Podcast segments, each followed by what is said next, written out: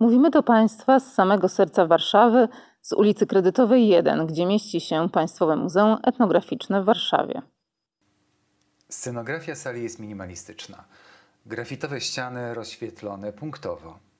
W głębi umieszczono niewielkie pomieszczenie z przejściowymi otworami drzwiowymi poprzedzone podestem. Wewnątrz pomieszczenia prezentowane są wyimki z XIX-wiecznej prasy, zdjęcia z domowych albumów i film o tożsamości mieszkańców regionu. W centrum ekspozycji na podeście gablota ze szkła hartowanego, wewnątrz której manekiny odziano w stroje wilanowskie z nadwiślańskiego urzecza. Na ścianach fotografie przedstawiające wiślane krajobrazy, dom olenderski na Saskiej Kępie, groble, nekropolię w Kępie Zawadowskiej, przeprawę promową w Gasach i dawną architekturę. Pomiędzy fotografiami monitory z wywiadami wideo udzielonymi przez współczesnych mieszkańców Urzecza. Zostały one podzielone na grupy tematyczne: praca, Olędrzy i Oryle, pożywienie, strój. W przestrzeni wystawy na czterech wyspach z drewnianych kubików umieszczono zabytki i przedmioty związane tematycznie z narracjami przedstawianymi w formie wideo. Meble, narzędzia, wiklinowe kosze, naczynia, prasa do wytłaczania buraków cukrowych, beczki do suszonych owoców. Witam Państwa. Przed mikrofonem Mariusz Raniszewski. Pracuję w kuratorium etnograficznym Państwowego Muzeum Etnograficznego w Warszawie. Na wstępie zaprosiłem Państwa na krótkie oprowadzanie po wystawie nad Wisłą na Urzeczu. Wystawa była prezentowana w Państwowym Muzeum Etnograficznym od sierpnia 2020 do października 2021 roku. Moja opowieść to pożegnanie z tą ekspozycją, a jednocześnie chęć popularyzacji niezwykłego regionu etnograficznego, obecnego w aż czterech warszawskich dzielnicach. Wyjątkowość tego regionu, rozciągającego się w Dolinie Środkowej Wisły, dostrzeżono w drugiej połowie XIX wieku. Opisywali go Oskar Kolberg, Kornel Kozłowski i Stefania Ulanowska. Potem przez prawie półtora wieku Urzecze przestało być obiektem zainteresowania etnografów. W 2012 roku Łużycok, archeolog i antropolog kulturowy Łukasz Maurycy Stanaszek wydaje monografię na Łużycu w zapomnianym regionie etnograficznym nad Wisłą. Łużyc to gwarowe określenie urzecza.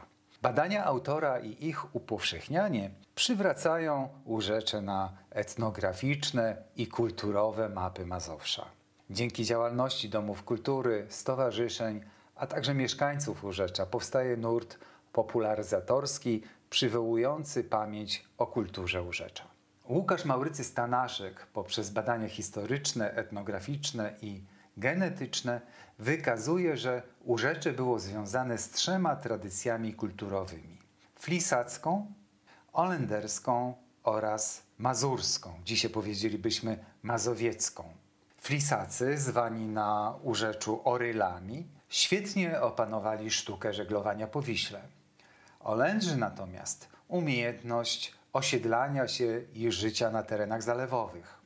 Ludność mazurską reprezentowali tu z dawna osiadli włościanie.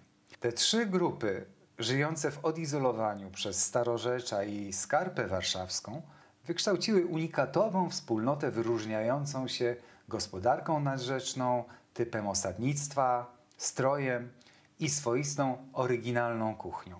Wybitny wpływ na ten proces miały dwie dominujące w nim kultury: kultura Oryli i Olendrów.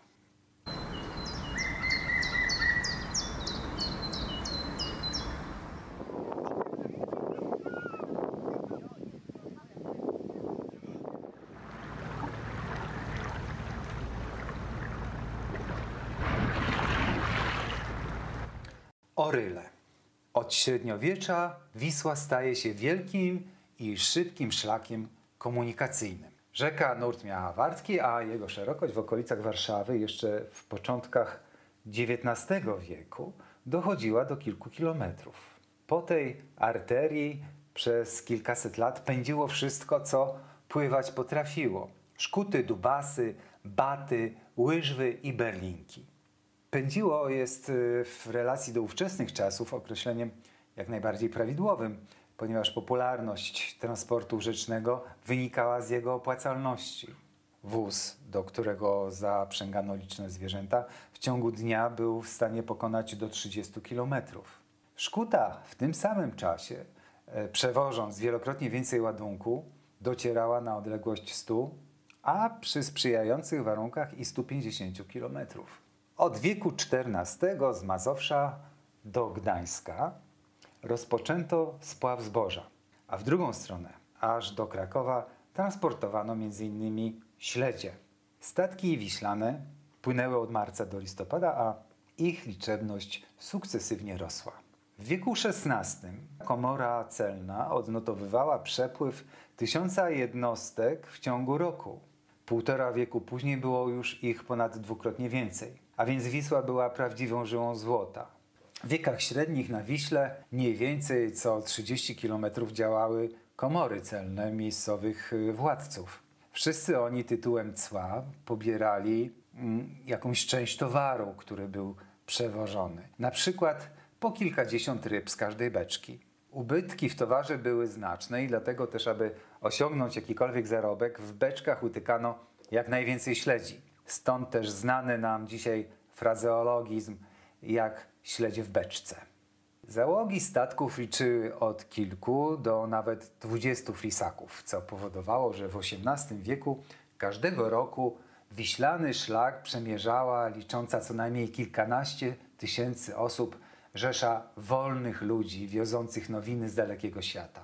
Oryle bowiem, czy frisacy, byli ludźmi wolnymi, luźnymi, podejmującymi się pracy najemnej. Rekrutowali się z Włościan i plebsu miejskiego. A ponieważ fach flisacki był surowy, wymagający siły fizycznej, wytrzymałości i odporności psychicznej, to oryle nie grzeszyli uprzejmością i delikatnością. Do dzisiaj na urzeczu pamięta się ich wulgarny język i niezbyt wybredne obycie. Wielu z nich osiadało z czasem w okolicach Warszawy, która odgrywała niemałą rolę w eksporcie zboża i wosku. Z drugiej strony jej rynek wchłaniał wielkie ilości śledzi. Oryle jedli i spali głównie na tratwach, co nie oznacza, że nie musieli przybijać do brzegów rzeki. Spławiając towary z biegiem Wisły, zatrzymywali się, by przygotowywać lub też łączyć tratwy na tak zwanych bindugach. Z biegiem czasu powstawało nad brzegami rzeki coraz więcej karczm sprzyjających kontaktom e, z lokalnymi społecznościami. W XVII wieku w okolicach Wilanowa, na obydwu e, brzegach rzeki, co 2-3 kilometry stała karczma. Kontaktom z mieszkańcami sprzyjała również droga powrotna w górę rzeki. Oryle często pokonywali ją pieszo, holując szkuty wydeptanymi wzdłuż rzeki ścieżkami, które nazywano trelami. Gdy sezon flisu się kończył, ludzie rzeki poszukiwali zarobku na zimę. Zatrzymywali się więc pracując w gospodarstwach włościańskich lub też zajmując się udrażnianiem nurtu Wisły przy wycinaniu korzeni i usuwaniu innych przeszkód. Tym sposobem dostarczali nie tylko wieści ze świata i produktów z wielonarodowego hanzeatyckiego Gdańska, ale wnosili do lokalnych społeczności odmienne obyczaje i wspomniane harde charaktery. W okolicach Warszawy ich obecność e, wiąże się również z obcym, a funkcjonującym do dziś nazewnictwem, które odnotowywano już przed napływem kolonistów z Europy Zachodniej. Należą do nich wspomniane bindugi, słowo pochodzące z języka niemieckiego, binden, czyli wiązanie, lub też rozpowszechnione na Wiśle łachy, również z języka niemieckiego, der Lache oznacza kałuże. Oryle osiedlający się w Dolinie Środkowej Wisły w okolicach Warszawy rokrocznie wyruszali na wybrzeże wnosząc do świata nadwiślańskich mieszkańców nowe idee i technologie.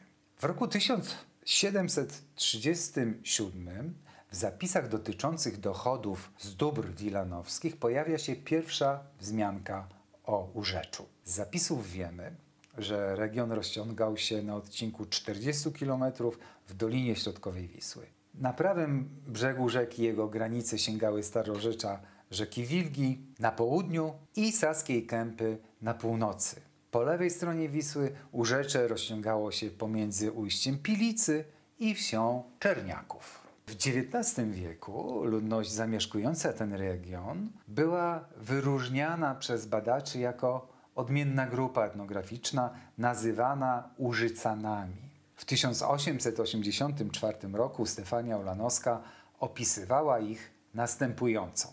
Tamtych zaś olbrzymów nadwiślańskich nazywają Użycanami, co jest mieszkającymi Użyki, lub też Powiślakami, co jest mieszkającymi po Wiśle. Mówią więc Użycanin i Użycanka lub Powiślak i Powiślanka. Nadto jeszcze, jak mężczyźni, tak kobiety odznaczają się wzrostem bardzo wysokim. Szczególnie ci, którzy mieszkają nad Wisłą koło samego Czerska. To wszystko chłop w chłopa silne i ogromne jak dęby. I oni sami nie uważają siebie za Mazurów. Do powstania odrębnej kultury w Dolinie Środkowej Wisły nigdy jednak by nie doszło, gdyby w XVIII wieku nie pojawili się tam Olędrzy.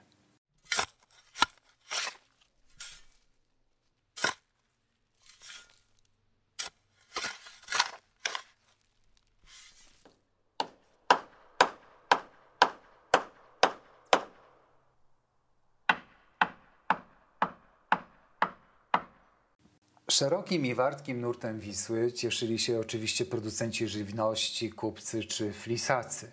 Właściciele ziemscy natomiast mieli na rzekę zgoła inny pogląd. Nawet niewielkie powodzie uniemożliwiały uprawy na części gruntów. Wraz z rozwojem królewskiego miasta zwiększało się zapotrzebowanie na płody rolne, zwłaszcza na warzywa i owoce, których obfite zbiory zapewniały żyzne nadwiślańskie mady. Niestety w tym czasie lokalna kultura agrarna stała na zbyt niskim poziomie, by skutecznie uprawiać zalewowe tereny. Natomiast potrzebną wiedzę, technologię i umiejętności posiadali Olendrzy. Koloniści holenderscy, uciekając przed prześladowaniami religijnymi z Fryzji i Niderlandów, pojawili się na ziemiach polskich już w pierwszej połowie XVI wieku. Osiadali u ujścia Wisły albo wzdłuż jej dopływów na Pomorzu, Kujawach i w Wielkopolsce. Ich sława jako znakomitych budowniczych systemów melioracyjnych powoli docierała także na Mazowsze. Właściciele ziemscy na Łużycu postanowili zatem wykorzystać ich wiedzę, aby uprawa na trudnych terenach nad Wisłą stała się możliwa. Decyzja o sprowadzeniu Olendrów nie była prosta, albowiem byli oni ludźmi wolnymi i na takich też prawach decydowali się na zakładanie swoich gospodarstw. Zawierali zatem kontrakt z właścicielem ziemi na mocy, którego podejmowali się do prowadzenia oddanych im w użytkowanie gruntów do stanu pozwalającego na uprawę oraz do płacenia czynszu. W zamian zachowywali wolność osobistą, a gmina olenderska nabywała prawa do sądów za pomniejsze wykroczenia.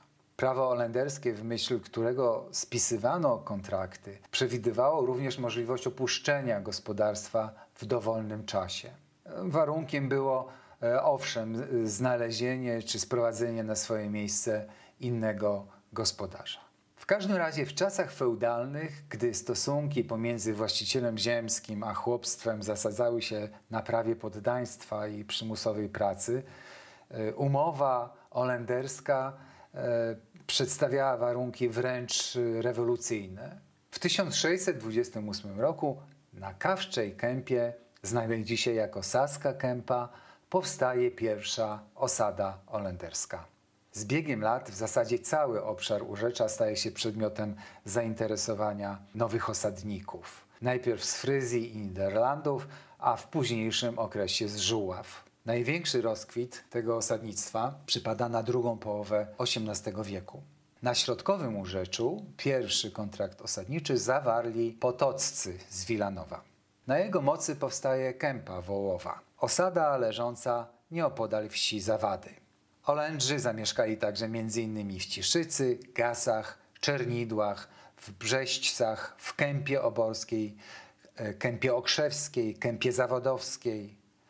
Podczas budowy systemów melioracyjnych osadnicy pracowali na tak zwanej wolniźnie, która zwalniała ich z wszelkich świadczeń, w tym spłacenia czynszu. na rzecz właściciela ziemi. Taka regulacja była uzasadniona prostym faktem, że dopóki grunt nie został osuszony, to prowadzenie gospodarki rolnej nie było możliwe. Zwolnienie z opłacania czynszu dzierżawnego trwało od 5 do 7 lat. Olędrzy poprzez swoją gospodarczą aktywność zmieniali krajobraz Urzecza. Prawdopodobnie to ich dziełem jest sprowadzenie na Mazowsze wierzb głowiastych. Obsadzali nimi brzegi rowów melioracyjnych i groble. System korzeni wierzb szybko wchłania wodę, a jednocześnie wzmacnia y, ziemne konstrukcje. Prace wykonywano ręcznie, w wilgoci, co czyniło je niezwykle ciężkimi i uciążliwymi. Osadnicy wytyczali pola tak, aby ich wąskie pasy leżały prostopadle do Wisły.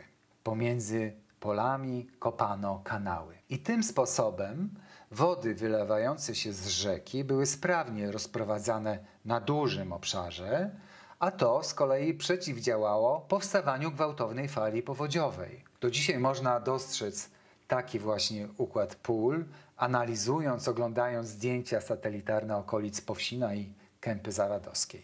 Ziemię, którą wydobywano z rowów melioracyjnych, sypano na groble, na których wytyczano drogi zwane trytwami. Niektóre z tych konstrukcji wciąż funkcjonują na współczesnym Urzeczu. Rowy melioracyjne, pomocne w osuszaniu żyznych, nadwiślańskich gruntów i ułatwiające odprowadzanie wody, jednak nie chroniły przed powodziami, przed wysoką wodą.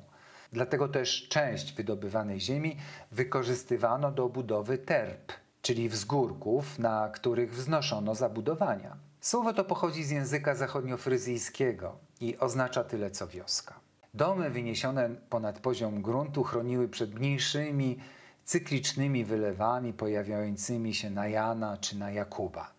Typowym domem olenderskim był tak zwany Langhof, mieszczący pod jednym dachem zarówno pomieszczenia mieszkalne, jak i gospodarcze. Dom wznoszono równolegle do nurtu rzeki w ten sposób, że najpierw budowano izby mieszkalne, potem stodołę, a na końcu oborę. Gdy przychodziła większa powódź, płynąca woda wypłukiwała z domu nieczystości. Terpy umacniano faszynami oraz otaczano płotami z gałęzi wierzb głowiastych. Ich zadaniem było przeciwdziałanie wypłukiwaniu ziemi oraz zatrzymywanie nieczystości. Gdy w Dolinie Środkowej Wisły pojawiła się społeczność holenderska, e, zapoczątkowało się kształtowanie kultury urzecza. Budowa systemów melioracyjnych, charakterystyczny sposób gospodarowania, a także relacje z właścicielami ziemskimi stały się wspólnym dobrem kulturowym mieszkańców regionu. Mazurzy, czyli z dawna osiadła e, ludność na tych e, terenach, uczyli się od Olendrów oraz przejmowali ich kulturę agrarną. Mechanizmy te powodowały, e, że właściciele ziemscy coraz częściej odstępowali od stosunków feudalnych, od pańszczyzny na rzecz kontraktów czynszowych. I to na dziesiątki lat przed formalnym zniesieniem pańszczyzny. To się po prostu bardziej opłacało obydwu stronom. Umowy na prawie holenderskim zawierane z ludźmi o różnym pochodzeniu spowodowały też, że przestano je utożsamiać z dawnymi kolonistami. Obecnie mówiąc o osadnictwie holenderskim mamy na myśli specyficzny typ gospodarki oraz sposób regulacji prawnych, których główną cechą jest dzierżawa ziemi i opłacany za nią czynsz. Z czasem osadnicy holenderscy stali się integralną częścią ludności Urzecza. Obok Oryli i Mazurów współtworzyli kulturę regionu wyróżniającą go od przyległych obszarów leżących na tzw. Tak górnych polach, czyli ziemiach poza Doliną Środkowej Wisły. Jedną z charakterystycznych cech Łużycan, Łużycoków jest hardy i lekceważący stosunek do szlachty. Wynikał on z poczucia wolności osobistej i równorzędności wobec właścicieli ziemskich. Kultura urzecza zaczęła zanikać w początkach wieku XX, gdy zmieniły się warunki gospodarowania. W ogromnym stopniu wpłynęła na to oddana do użytku w 1877 roku prowadząca z Warszawy do Lublina kolej nadwiślańska. Flis po Wiśle nie był w stanie konkurować z tak szybkim transportem. Poza tym transport kolejowy mógł docierać w miejsca odległe od rzeki. Z kolei zapoczątkowana pod koniec XIX wieku budowa wałów przeciwpowodziowych postawiła pod znakiem zapytania potrzebę wykorzystywania umiejętności Olendrów. Schyłek kultury nadwiślańskiego urzecza przypieczętowała gwałtowna urbanizacja, a w tym rozwój transportu drogowego i też rosnące zanieczyszczenie Wisły. W latach 50. XX wieku kultura regionu praktycznie zanikła. Obecnie od 10 lat, czyli od czasu wydania monografii przez Łukasza Maurycego Stanaszka, coraz większa grupa mieszkańców, a zwłaszcza tych młodszego pokolenia, angażuje się w organizowanie festynów, prezentacji strojów, spływów po Wiśle łodziami zbudowanymi na wzór dawnych drewnianych konstrukcji. Powstało kilka zespołów śpiewaczych odwołujących się do dawnych tekstów regionu. Nowi użyczanie, i mówię tutaj o nich w cudzysłowie, nowi bowiem poszukujący swojej tożsamości współcześnie, skupiają swoją aktywność także w mediach społecznościowych, które grają bardzo istotną rolę w strukturze nowo budowanej tożsamości y, urzecza. Powstają portale, powstają profile na Facebooku, profile na Instagramie, ci ludzie wzajemnie się linkują, lajkują, korespondują ze sobą, ale również wymieniają doświadczenia, wskazują sobie fakty historyczne, są bardzo aktywni. I przy pomocy tych nowoczesnych technologii urzecze na nowo powstaje, przy bardzo takiej zaangażowanej pomocy y, mediów społecznościowych. Urzecze fascynuje i prowokuje do odkrywania lokalnej tożsamości. Jest popularne. Dlatego też wraz z Państwowym Muzeum Archeologicznym zdecydowaliśmy się, by zorganizować wystawę przenośną. Także ta, która w październiku 2021 roku jest zamykana, nie jest zamykana jakby na stałe, na zawsze, bowiem e, od 2022 roku chcemy, aby wystawę o nadwiślańskim urzeczu odwiedzali mieszkańcy różnych regionów Polski. Dziękuję za uwagę, mówił Mariusz Raniszewski.